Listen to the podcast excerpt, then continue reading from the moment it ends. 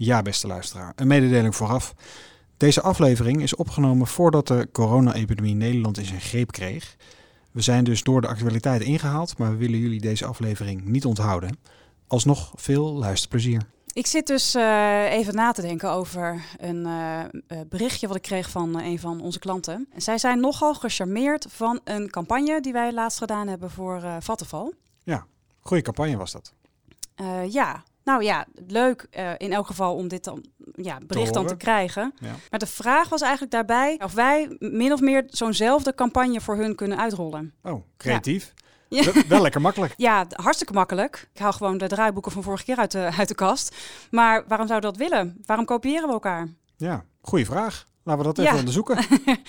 ja, dat wordt het onderwerp hè, van deze aflevering. Heb jij al wel een jeukwoord uh, klaarstaan? Zeker, zeker, zeker. Die komt Mooi. straks. Oké. Welkom bij Out of the Bubble, de podcast waarin wij een reality check houden voor marketeers. Marketeers leven in hun eigen bubbel. Content, funnel, storytelling, KPI's, merkbeleving, MQL's. We kletsen lekker met elkaar mee. Maar waar gaat het nou helemaal over?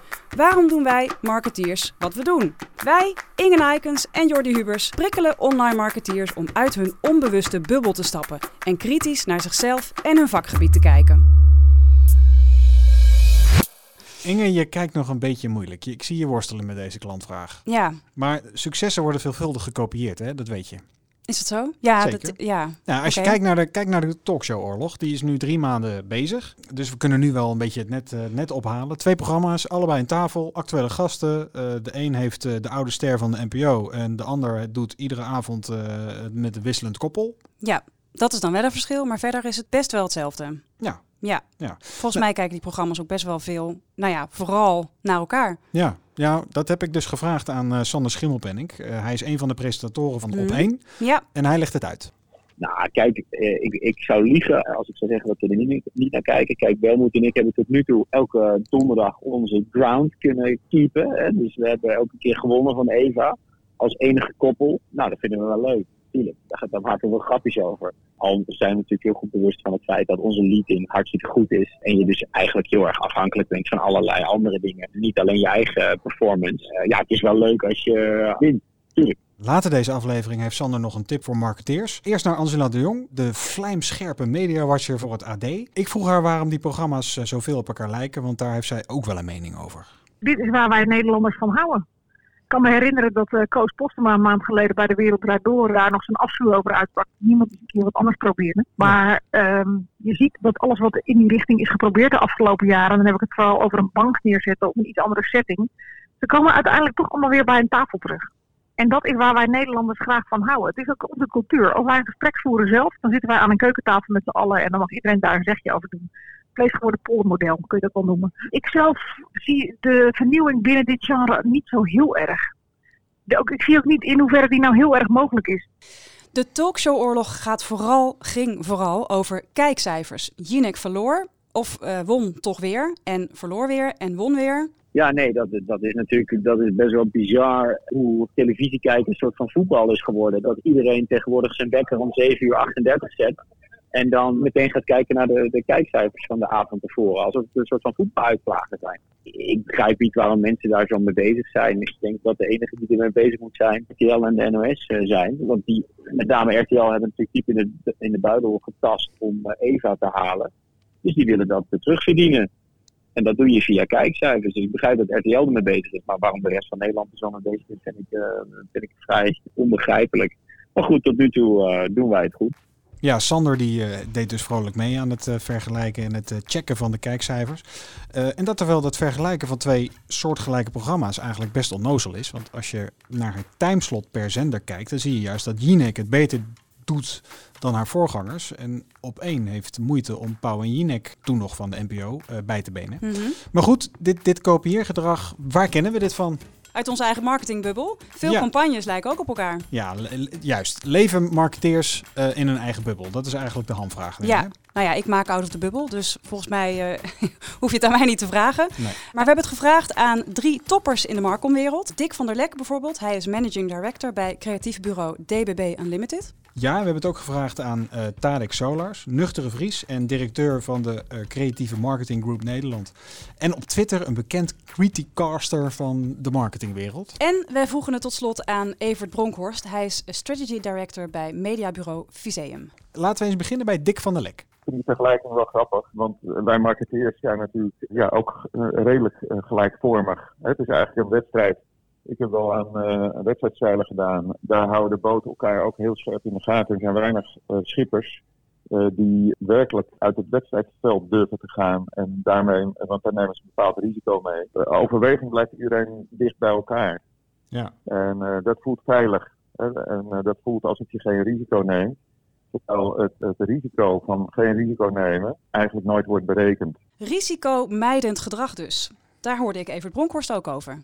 Uh, in wezen moet je gewoon lef hebben, moet je iets anders proberen. Het probleem is alleen dat je vaak de tijd om te bewijzen dat iets anders ook werkt, is relatief beperkt. Want loopt iets niet, scoort iets niet, dan wordt het heel snel gekild. Dus daarom gaat het natuurlijk toch best wel vaak voor zekerheid. Ik vond op zich nog wel aardig afgelopen weken terug te lezen over 15 jaar DWDD. Als je gewoon kijkt naar het eerste jaar en tweede jaar met wisselende presentatoren ook. En de toenmalige kijkcijfers op, op NPO 3 dan is het eigenlijk best wel een wonder dat het programma de kans gekregen heeft om. En dat zou bijvoorbeeld bij een commerciële omroep waarschijnlijk uh, niet gebeurd zijn. Daar was waarschijnlijk de wereld door na twee jaar gestopt. Ja, het was gewoon niet goed. En je had uh, meneer Van Jolen die niet kan presenteren. En het programma heeft gewoon de tijd nodig gehad om een vorm te vinden. En een vaste, met een vaste presentator en een format. En je ziet het dus gewoon dat het de eerste vijf, zes jaar eigenlijk ieder beter werd. En nu zie je het vanaf dat moment eigenlijk stabiliseren, ietsjes teruggaan, maar niet heel veel. Betekent dus dat als je iets anders wil proberen, en dat was toch best wel bijzonder op dat timeslot, zo'n programma, je moet de tijd krijgen. En datzelfde geldt voor als algemeenheid. Uh, die worden toch vaak afgerekend op korte termijn successen. En uh, jonge marketeers die willen ook graag op hun cv succes hebben staan. Dus die kijken toch vaker naar de korte termijn dan naar de lange termijn. En Evert ziet nog wel een belangrijke reden van veel op elkaar lijkende campagnes. Internationale partijen geven namelijk templates waar iedereen zich aan moet houden. Weg eigen creatieve invulling dus. Ik moet eerlijk zeggen dat ik vaak zie bij internationale bedrijven waarin lokale mensen weinig te zeggen hebben. Uh, ja, die krijgen gewoon een template uit Engeland of uit Amerika en doen het maar op die manier. En lokale ondernemers, niet gebeursgenoteerde ondernemers, familiebedrijven, die hebben het lef om dingen soms anders te doen. Oké, goed verhaal van Evert. Maar dan zou je zeggen dat er nog steeds voldoende ruimte moet zijn voor creativiteit. Toch, Tarek? Mijn gevoel zegt dat de lat gewoon te laag ligt. Dat je, je bent met die getallen bezig, je bent bezig met die omzet, maar je bent eigenlijk niet bezig met je marge. Dus ik, daar, daar ligt het voor mij meer. Je, je bent gewoon uh, sales aan het pushen. Nou, oké, ik, ik zeg maar, ik ben uh, wel, liefhebber van, uh, van merken zoals Chanel. En uh, als je dan uh, kijkt naar uh, die, wat is dat, 2,55 flatback of zo, zo heet zo'n ding dacht ik. Dat is maar die iconische tas van Chanel. Die weten te verkopen 6000 euro. 6000 euro, iets in die range. Ze kunnen die tas ook verkopen voor 300 euro. Nou, dan kun je misschien de hele wereld wel volzetten met die tassen, maar dat doen ze niet. Ze verkopen voor 6.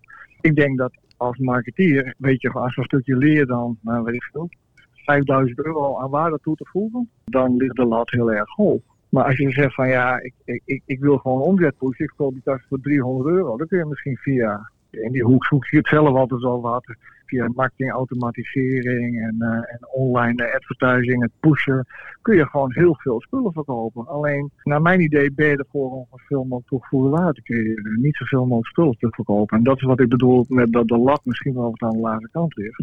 Heb jij een Chanel-tas eigenlijk, Inge? nee, ik heb geen Chanel-tas. Ik zou me eigenlijk veel te opgelaten voelen om met uh, 5000 euro onder mijn arm uh, over de straat over te gaan. Ja? Hm. Ja, maar ik vind het wel een hele interessante vergelijking die hij maakt. Want wat hij eigenlijk zegt is dat content marketing uh, communicatie naar niveautje Chanel-tas moet. Hè? Niveautje dus Chanel-tas. Niveautje Chanel-tas. Toegevoegde waarde creëren. Want waarom ligt die lat dan zo laag? Dick van der Lek denkt dat het aan de briefings ligt. Wat natuurlijk ook meespeelt, is dat de input vaak hetzelfde is voor, voor marketeers. Wij als reclamebureau doen natuurlijk veel onderzoek. Uh, we maken veel gebruik van data. We zijn een data-gedreven bureau, DDB Unlimited. Maar dat doen andere partijen ook. Die maken gebruik van dezelfde onderzoeken, die kijken naar dezelfde trends, consumeren dezelfde media. En daardoor zijn natuurlijk de briefings die wij als reclamebureau krijgen of maken, die zijn redelijk gelijkvormig. Ja, ik draai al een, tijdje mee in deze wereld. En het is me zo vaak overkomen dat je met grote ogen staat te kijken dat je uiteindelijk bijvoorbeeld na een week of twee weken werken creatief op een campagneconcept komt, wat al eerder gedaan is. En, uh, dan uh, moet je blij zijn dat je dat ontdekt voordat je de productie ingaat. Maar het is onvoorstelbaar hoe groot de kans zo relatief nog is dat je na inderdaad een, een behoorlijke tijd werken op hetzelfde eindproduct uitkomt. Ja. Maar dat heeft veel te maken met uh, ja, de trechter waar je met elkaar ingaat. Door het, het consumeren van dezelfde media, het doen van dezelfde onderzoeken, het constateren van dezelfde trends, het trekken van ongeveer dezelfde conclusies. Ja, dan in het puntje van de trechter uh, wordt het uh, nauw en zit je behoorlijk dicht bij elkaar. Ja, we zijn toch ook allemaal hetzelfde. Hè? Uh, hij wil er ook nog even aan toevoegen dat wij marketeers absoluut geen trendsetters zijn. Uh, we maken allemaal onderdeel uit van de marketingindustrie. Marketing is het aanvoelen wat de markt nodig heeft en uh, waar de markt behoefte aan heeft en wat, waar ze nog niet in bediend worden. En daarmee zijn we eigenlijk per definitie trendvolgers en geen trendsetters. We kijken gewoon waar in de markt de smaak naartoe gaat. En of het nou film, muziek is of marketing, dat maakt niet zoveel uit. Dus is de maatschappij in één keer uh, zich heel erg maatschappelijk bewust en is purpose heel erg belangrijk. Ja, dan ontwikkelen we met z'n allen maatschappelijk verantwoorde campagnes. Natuurlijk zijn er kleine trendsetters zoals een Eneco of een Rabobank die dat als eerste doen. Uh, misschien ook al vanuit hun propositie of vanuit hun coöperatieve oorsprong. En uh, daarmee maken zij het beginnetje. Maar uh, op het moment dat dat het in onderzoek goed doet, dan zie je dat de rest automatisch volgt. En allemaal langzaam maar zeker ook groen en maatschappelijk verantwoord wordt. Ja. Een andere trend in ons vakgebied is dat we hoofdzakelijk naar data kijken. En dat is logisch, want successen zijn tenminste meetbaar als je naar data kijkt. Maar je kunt je ook blind staren op data. Dat zegt ook Tadek Solars. Nou, het is natuurlijk makkelijk. Het is available. Ik bedoel, je, je pompt er geld in, er komen getallen uit en dan ga je mee aan de slag. Nou goed, dat is natuurlijk wel een, een, van de dingen waar ik veel over praat en veel over schrijf. Dus dat zeg van ja, het, het gaat natuurlijk, die getallen die hebben je op een gegeven moment in de macht. Maar waarde toevoegen, dat moet je ook uitdrukken in getallen, maar dat is een heel ander spel. Dan moet je onderscheidend zijn en dan moet je gewoon niet pompen, maar dan moet je gewoon met iets anders komen. Dat is een ingewikkeld verhaal. En is er sprake van een, van een marketingbubbel? De meeste bureaus zitten bijvoorbeeld in de Randstad. Evert Bronkhorst en uh, Tadek Solars die leven ver daarbuiten. Evert die heeft het over het grachtengordelsyndroom. Oeh, ik voel een uh, jeukwoord aankomen, Jordi. Uh, grachtengordelsyndroom. Ik bewaar hem. ik noem het altijd het grachtengordelsyndroom. Uh, denken dat de hele wereld leeft en denkt en in het leven staat zoals jij staat in je eigen bubbel. Ja. Uh, die nuchterheid, die, die mis ik wel eens. Er wordt heel veel geprojecteerd op eigen, op eigen ervaring. En, en dan zijn er jonge mensen die dan ook bijvoorbeeld dingen roepen als... ja, maar wie luistert er nog radio? En wie leest er nog een krant? Omdat ze in hun eigen omgeving dat niet meer zien... gaan ze vanuit dat heel Nederland zo in elkaar zit. Ze denken ook allemaal dat als ze een app ontwikkelen... moet die eerst voor de iPhone. Want ze denken dat heel Nederland een iPhone heeft. En jij weet wel beter. Ja, ja.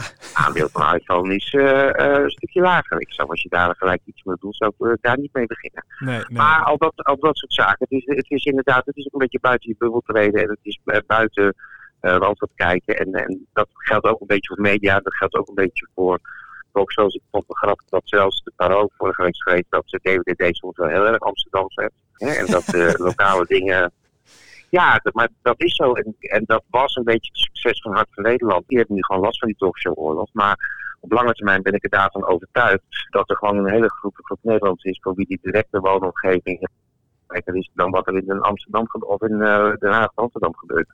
We hebben ook een hele tijd een bureau gehad in Amsterdam. En toen werd ik ermee geconfronteerd dat je, zeg maar, als je een bedrijf in Leeuwarden vanuit Amsterdam al belde, dan kon je wel een afspraak krijgen. En als je vanuit Leeuwarden hetzelfde bedrijf belde, dan, ja, dan zat je in Leeuwarden. Ik bedoel, dat, dat, dat vond ik wel een eye-opener. Ja, tegelijkertijd moet je vaststellen dat het meeste talent in Amsterdam rondloopt. Dat is gewoon zo. Dat, je, hebt, je hebt gewoon meer en er is meer cultuur, er is meer uh, mensen die met elkaar dingen doen. Dus er is ook een andere chemie, daar, daar kun je niet omheen. Oké, nu wil ik eigenlijk wel weten, en ik kan me niet voorstellen dat het niet vaker gebeurt, dat een klant werk van een andere klant wil. Volgens Dick van der Lek in elk geval zeer zeker. Ja, kijk, creatieven, en die, eh, daar is, is het echt een nachtmerrie voor. Hè? Dus eh, ik heb denk ik in mijn loopbaan misschien wel voor, voor maanden creatief werk in, eh, in de prullenbak zien verdwijnen. Omdat we uiteindelijk eh, tot de conclusie kwamen dat het al een keertje eerder bedacht was. Tegelijkertijd is het zo dat veel adverteerders kijken naar andere adverteerders. Dat zijn hun peers. Dat is niet abnormaal. En dan komt het er inderdaad voor dat ze zeggen van... hé, hey, ik wil ook een hakcampagne. Of ik wil ook zo'n Cora van Mora campagne. Of doe mij een Nike campagne. Dat gebeurt inderdaad. En het zijn met name adverteerders die zich iets minder zorgen maken over de oorspronkelijkheid. Die willen gewoon iets wat heel goed werkt. En het zijn vooral de creatieven en de creatieve bureaus die dan, daar natuurlijk trots voor zijn. En eh, ja, toch altijd gaan voor iets, iets unieks. Oké Jordi, we lijken dus op elkaar. Echt? Ja, Oh, marketeers kijken naar elkaar en lijken op elkaar. En zoals Dick van der Lek nu zegt, het is eigenlijk altijd een strijd tussen creatieven en de rest. ja. Maar is het eigenlijk wel eh, erg dat we op elkaar lijken? Komen we een beetje terug op aflevering 1, want sommige dingen werken nu eenmaal. Ja, maar dan moeten we dus wel de lat hoog houden zoals uh, Talek aangeeft. Of net zoals Evert, eh, gewoon heel selectief zijn welke klanten je wil bedienen. Nou, het, het, het heeft een beetje te maken met het type klant waarvoor je werkt en, de keuze die je daarin hebt. En ik ben best wel redelijk stellig altijd van welk type klanten ik wel en niet eh, eigenlijk mij eh, lang bij voel. Waar ik echt denk dat, dat je gewoon de ruimte krijgt om na te denken en om breder te denken en om langer na te denken. En dat je niet afgerekend wordt op iets over een maand ja of nee is. En ten tweede is het gewoon soms ook maar gewoon op de rem trappen. Maar Inge, wat ga jij nu doen met die vraag van die klant? Ik ga deze podcast nog een keer terugluisteren. Ja, alle tips even Alle verzamelen. tips. Ik neig er naar natuurlijk om te wijzen op andere creatieve ideeën. En ehm, ja, een copy-paste campagne kan altijd nog. We zijn bijna klaar, hè? Ik heb die tip van Sander nog niet gehoord. eh. Oh ja, wacht even, komt-ie.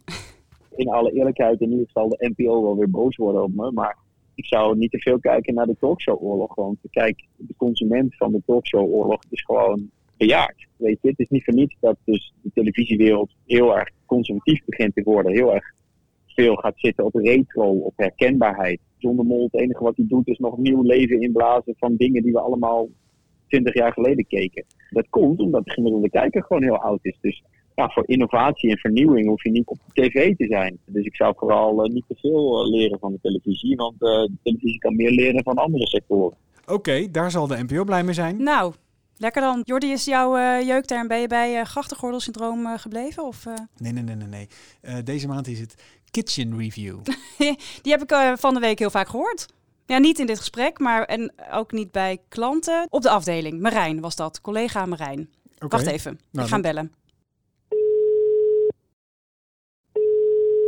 Met Marijn. Marijn, met Inge. Hey Inge. Kitchen Hoi, hoi. Review. Leg uit, Yes. waarom heb je dat woord zo vaak Ik- gebruikt van de week? Nou, omdat ik het eigenlijk wel een heel lekker woord vind. Het is ook mooi Nederlands. En eh, het zegt eh, eigenlijk... Niet zoveel. Een klant, die, Oh, nou ja, een klant stuurt je weg met een briefing. eh, en daar ga je op kouwen. Een van de manieren om nou ja, te komen tot een, een goede koers. Dat is dat je eerst wat smaken voorlegt aan de klant. Een soort denkpistes. Ik zal er nog een woord in gooien. ja. waarop je de briefing kunt interpreteren. En in een kitchen review laat je eigenlijk een soort van kijkje in de keuken zien van het werk wat er tot dan toe in die richtingen is gedaan. Eh, dat kan al heel weinig zijn, eh, op hoofdlijnen. Maar in ieder geval kan een klant dan al een beetje proeven in de keuken hoe de maaltijd eh, kan worden bereid. Want dat kan dus op verschillende manieren. Een Maar uiteindelijk in de kiezen ze voor één manier. Ja, ja. Maar Daar zit je ook altijd vandaan. in de keuken of dat niet? Of ik altijd in de keuken zit. Ja? Nee, maar wat ik, wat ik wel aardig vind is om het voor klanten dan ook eh, op een, eh, eh, op Een dienblad, keukenmanier eh. te, prese- te presenteren. Inderdaad, op een dienblad vier smaken te onthullen. Ja. Jeetje man, wat klets jij toch altijd mooi uit je nek. Ik Dat vind kan het ik aardig, hè? Onvoorstelbaar, fantastisch. Daar, Ik verdien ik, mooi. me- daar, verdien ik, me- daar verdien ik mijn geld mee, hoor. Oh, oké. Staat genoteerd. Oké man, nou bedankt eh, voor, deze, Toelichting. voor deze toelichting. Graag gedaan, jongens. Oké. Yo. Hoi. Hoi. Kitchen Review. Ik heb een beetje honger gekregen, Jordi. Ik ook. Ik ga lekker eten. Ja, Dag. Oké, doeg. Je luisterde naar Out of the Bubble. Vond je het leuk? Abonneer je op deze podcast en like hem. Dat helpt ons om gevonden te worden bij de volgende podcast. Maar beter nog, zeg even tegen je collega's dat ze moeten luisteren. Tot volgende keer!